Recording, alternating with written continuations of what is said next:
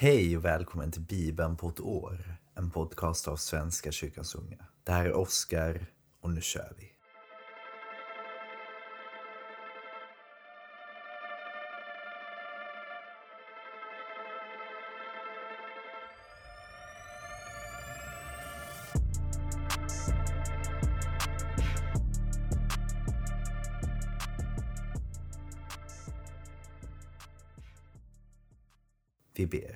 Tack Gud för idag.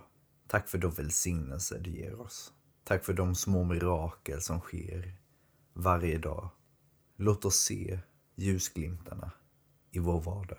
Låt oss ana dig i våra liv. Hjälp oss ta hand om varandra, hjälpa varandra, se varandra som de vi är, dina älskade barn. Var med i dagens bibelläsning.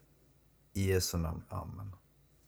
Vi börjar i Domarboken, kapitel 2, vers 10 till kapitel 3, vers 31. Alla i hans generation förenades med sina fäder. En ny generation kom som inte visste något om Herren och det han hade gjort för Israel. Nu gjorde israeliterna det som var ont i Herrens ögon. De dyrkade Baalsgudarna. De övergav Herren, sina fäders Gud som hade fört dem ut ur Egypten. De följde andra gudar som de kringboende folken hade. De tillbad dem och utmanade Herren. När israeliterna övergav Herren och istället dyrkade Baal och Astartegudinnorna blev Herren vred på dem. Han utlämnade dem åt folket som plundrade dem. Han prisgav dem åt fiender på alla håll och de kunde inte längre hålla stånd mot dem. Varje gång de drog i fält slog Herren dem med olycka, som han hade sagt, som Herren med ed hade lovat att göra. Deras nöd var stor. Då lät Herren insätta domare som räddade israeliterna från alla som plundrade dem. Men de ville inte lyssna till sina domare heller. De var otrogna med andra gudar och tillbad dem. Snart lämnade de den väg som deras fäder hade vandrat. Fäderna hade lytt Herrens bud, de själva gjorde det inte. När Herren insatte en domare åt dem var Herren med honom och räddade dem från deras fiender så länge domaren levde. Ty Herren kände medlidande när de klagade över hur de förtrycktes och plågades. Men när domaren var död återföll de och blev ännu mer fördärvade än sina fäder. De följde andra gudar som de tjänade och tillbad. De upphörde inte med sina ogärningar och sitt trots. Då blev Herren vred på Israel och han sade Detta folk har brutit mot det förbund som jag befallde deras fäder att hålla och de lyssnar inte på mig. Därför ska jag inte längre driva bort något enda av de folk som fanns kvar då Josua dog. Genom dem ska jag sätta Israel på prov. Vill de följa Herrens väg lika tydligt som sina fäder? Eller vill de det inte? Herren lät alltså dessa folk vara.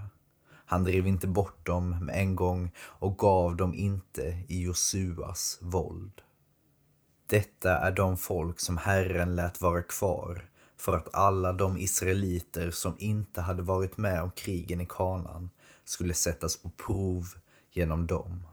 Och det gjorde han med tanke på nya generationer israeliter för att de skulle lära sig kriga. Alltså de som inte förut varit med om sådant. Filistenas fem hövdingadömen. Alla kananer och sidoner samt hivéerna som bodde i Libanonmassivet mellan Baal Hermonberget och Levo Hamat. Genom dem ville Herren sätta israeliterna på prov för att se om de skulle lyda de bud han hade gett deras fäder genom Mose. Israeliterna bodde bland kananéer, hetiter, amorer, periser, hiver och jevuser. De tog deras döttrar till hustrur och gav sina döttrar åt deras söner och de dyrkade deras gudar. Israeliterna gjorde det som var ont i Herrens ögon. De glömde Herren, sin Gud, och dyrkade Baalsgudarna och Ashera-gudinnorna. Då blev Herren vred på israeliterna och han prisgav dem åt Kushan Rishatayim, kungen av Aram Naharajim. Israeliterna måste tjäna under Kushan Rishatayim i åtta år. Då ropade israeliterna till Herren och han sände en man som räddade dem, Otniel, son till Kalevs yngre bror Kenas. Herrens ande kom över honom och han blev domare i Israel. Otniel drog ut i strid och Herren gav Arams kung Kushan Rishatayim i hans våld så att han kunde underkuva honom. Landet hade nu lugn och ro i 40 år. Därefter dog Otniel, Kenas son. Israeliterna gjorde åter det som var ont i Herrens ögon. Herren lät då Eglon, kungen av Moab, få makten över dem eftersom de gjorde sådant som var ont i Herrens ögon. Eglon drog ut tillsammans med ammoniter och amalekiter och besegrade Israel och intog palmstaden. Israeliterna måste tjäna under Eglon, Moabs kung, i 18 år. Då ropade israeliterna till Herren och han sände en räddare, Benjaminiten Ehud, Geras son, en vänsterhänt man. En gång när israeliterna skulle erlägga sin tribut skickade de honom till Eglon, Moabs kung. Ehud lät göra ett tvegat svärd, en knapp aln långt, som han spände fast vid höger sida, dolt under kläderna. Han överlämnade tributen till Eglon, Moabs kung, som var en mycket fet man. När allt var överlämnat skildes Ehud från bärarna vid stenarna nära Gilgal. Därifrån vände han tillbaka och sade till kungen. Jag har ett hemligt budskap till dig. Vänta, sade Eglon och hela hans uppvaktning fick gå ut. Ehud hade alltså kommit in till Eglon som nu satt ensam i sitt svala rum på övervåningen.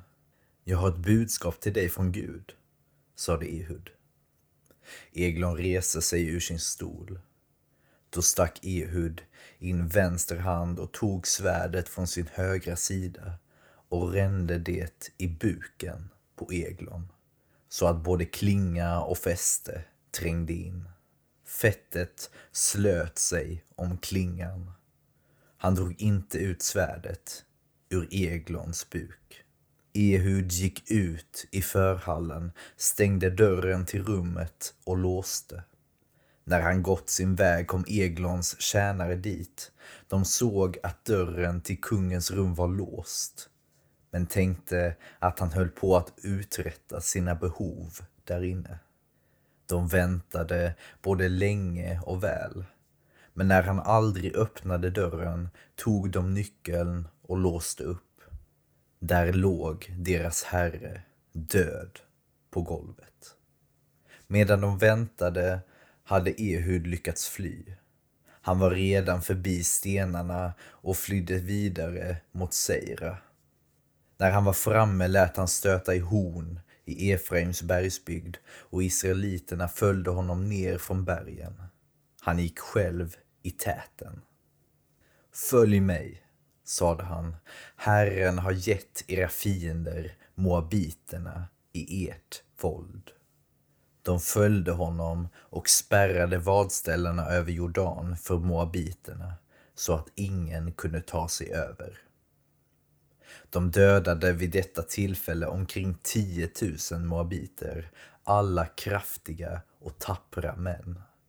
Ingen enda kom undan. Den dagen kuvades Moab av Israel och landet hade sedan lugn och ro i 80 år. Efter Ehud kom Shamgar, Anats son. Han som slog ihjäl 600 filister med en oxpik. Även han räddade Israel.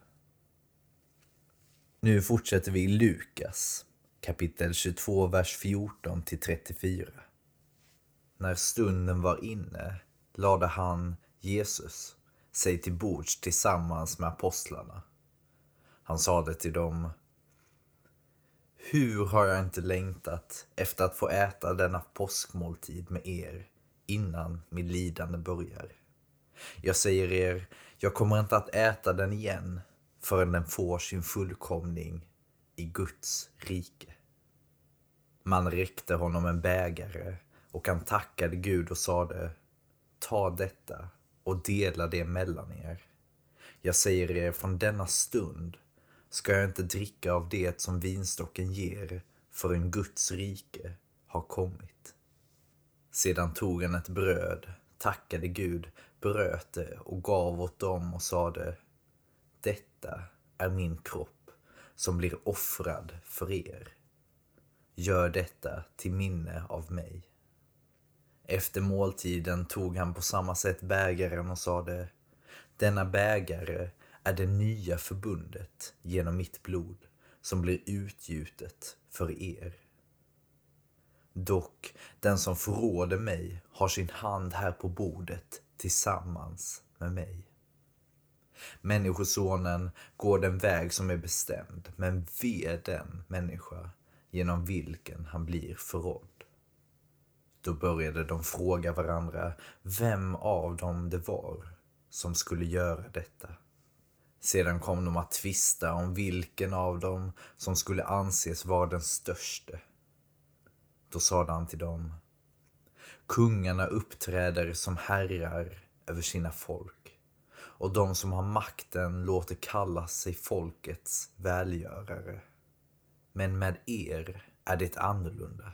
Den störste bland er ska vara som den yngste och den som är ledare ska vara som tjänaren. Vem är störst? Den som ligger till bords eller den som betjänar honom? Är det inte den som ligger till bords? Men jag är mitt ibland er som er tjänare. Ni är de som har stannat kvar hos mig under mina prövningar och samma kungavärdighet som min fader har tilldelat mig tilldelar jag er. Ni ska få äta och dricka vid mitt bord i mitt rike och ni ska sitta på troner och döma Israels tolv stammar. Simon, Simon, Satan har utverkat åt sig att få sålla er som vete. Men jag har bett för dig att din tro inte ska ta slut. Och när du en gång har vänt tillbaka, så styrk dina bröder. Simon sade, med dig, Herre, är jag beredd att gå både i fängelse och i döden. Han svarade, jag säger dig Petrus, Tuppen ska inte gala i natt förrän du tre gånger har förnekat att du känner mig. Vi fortsätter i Salteren, psalm 92 och 93. En psalm, en sång för sabbatsdagen. Det är gott att tacka Herren och att lovsjunga ditt namn, du den högste. Att var morgon förkunna din nåd och var natt din trofasthet till toner av tiosträngad harpa, till lyrans klang. Dina gärningar, Herre, ger mig glädje. Jag jublar över vad du har gjort. Herre, vilken storhet i ditt verk, vilket djup i dina planer. Den enfaldige kan inte förstå det. En dåre fattar inte detta om än de gudlösa växer som gräs och ogärningsmännen blomstrar, ska de ändå förgöras för alltid. Men du, Herre, är upphöjd i evighet. Ja, dina fiender, Herre, dina fiender ska gå under och ogärningsmännen skingras. Du gör mig lik vildoxen med lyfta horn. Du svalkar mig med uppfriskande olja. Jag får se hur mina fiender går under, höra hur de onda angriparna förgås. De rättfärdiga grönskar som palmer, växer höga som cedrar på Libanon. De är planterade i Herrens hus och grönskar på vår Guds förgårdar. Ännu i hög ålder skjuter de skott. De är fulla av sav och kraft och vittnar om att Herren är rättvis, min klippa. I honom finns ingen orätt. Herren är konung.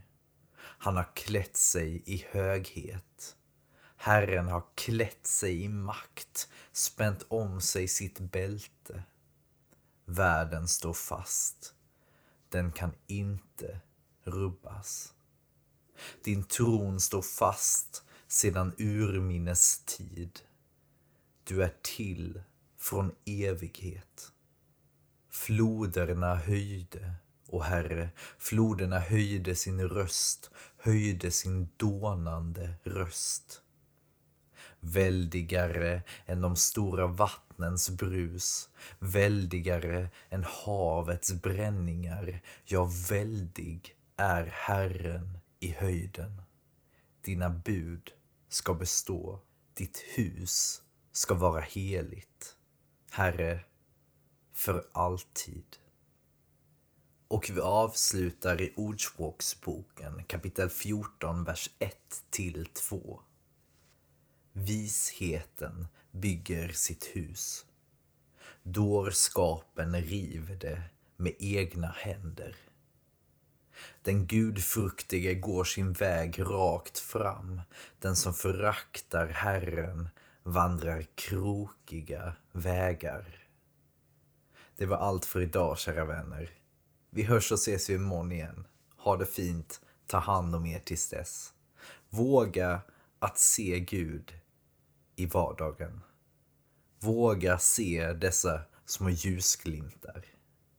Vi ses imorgon. Ha det fint. Hej.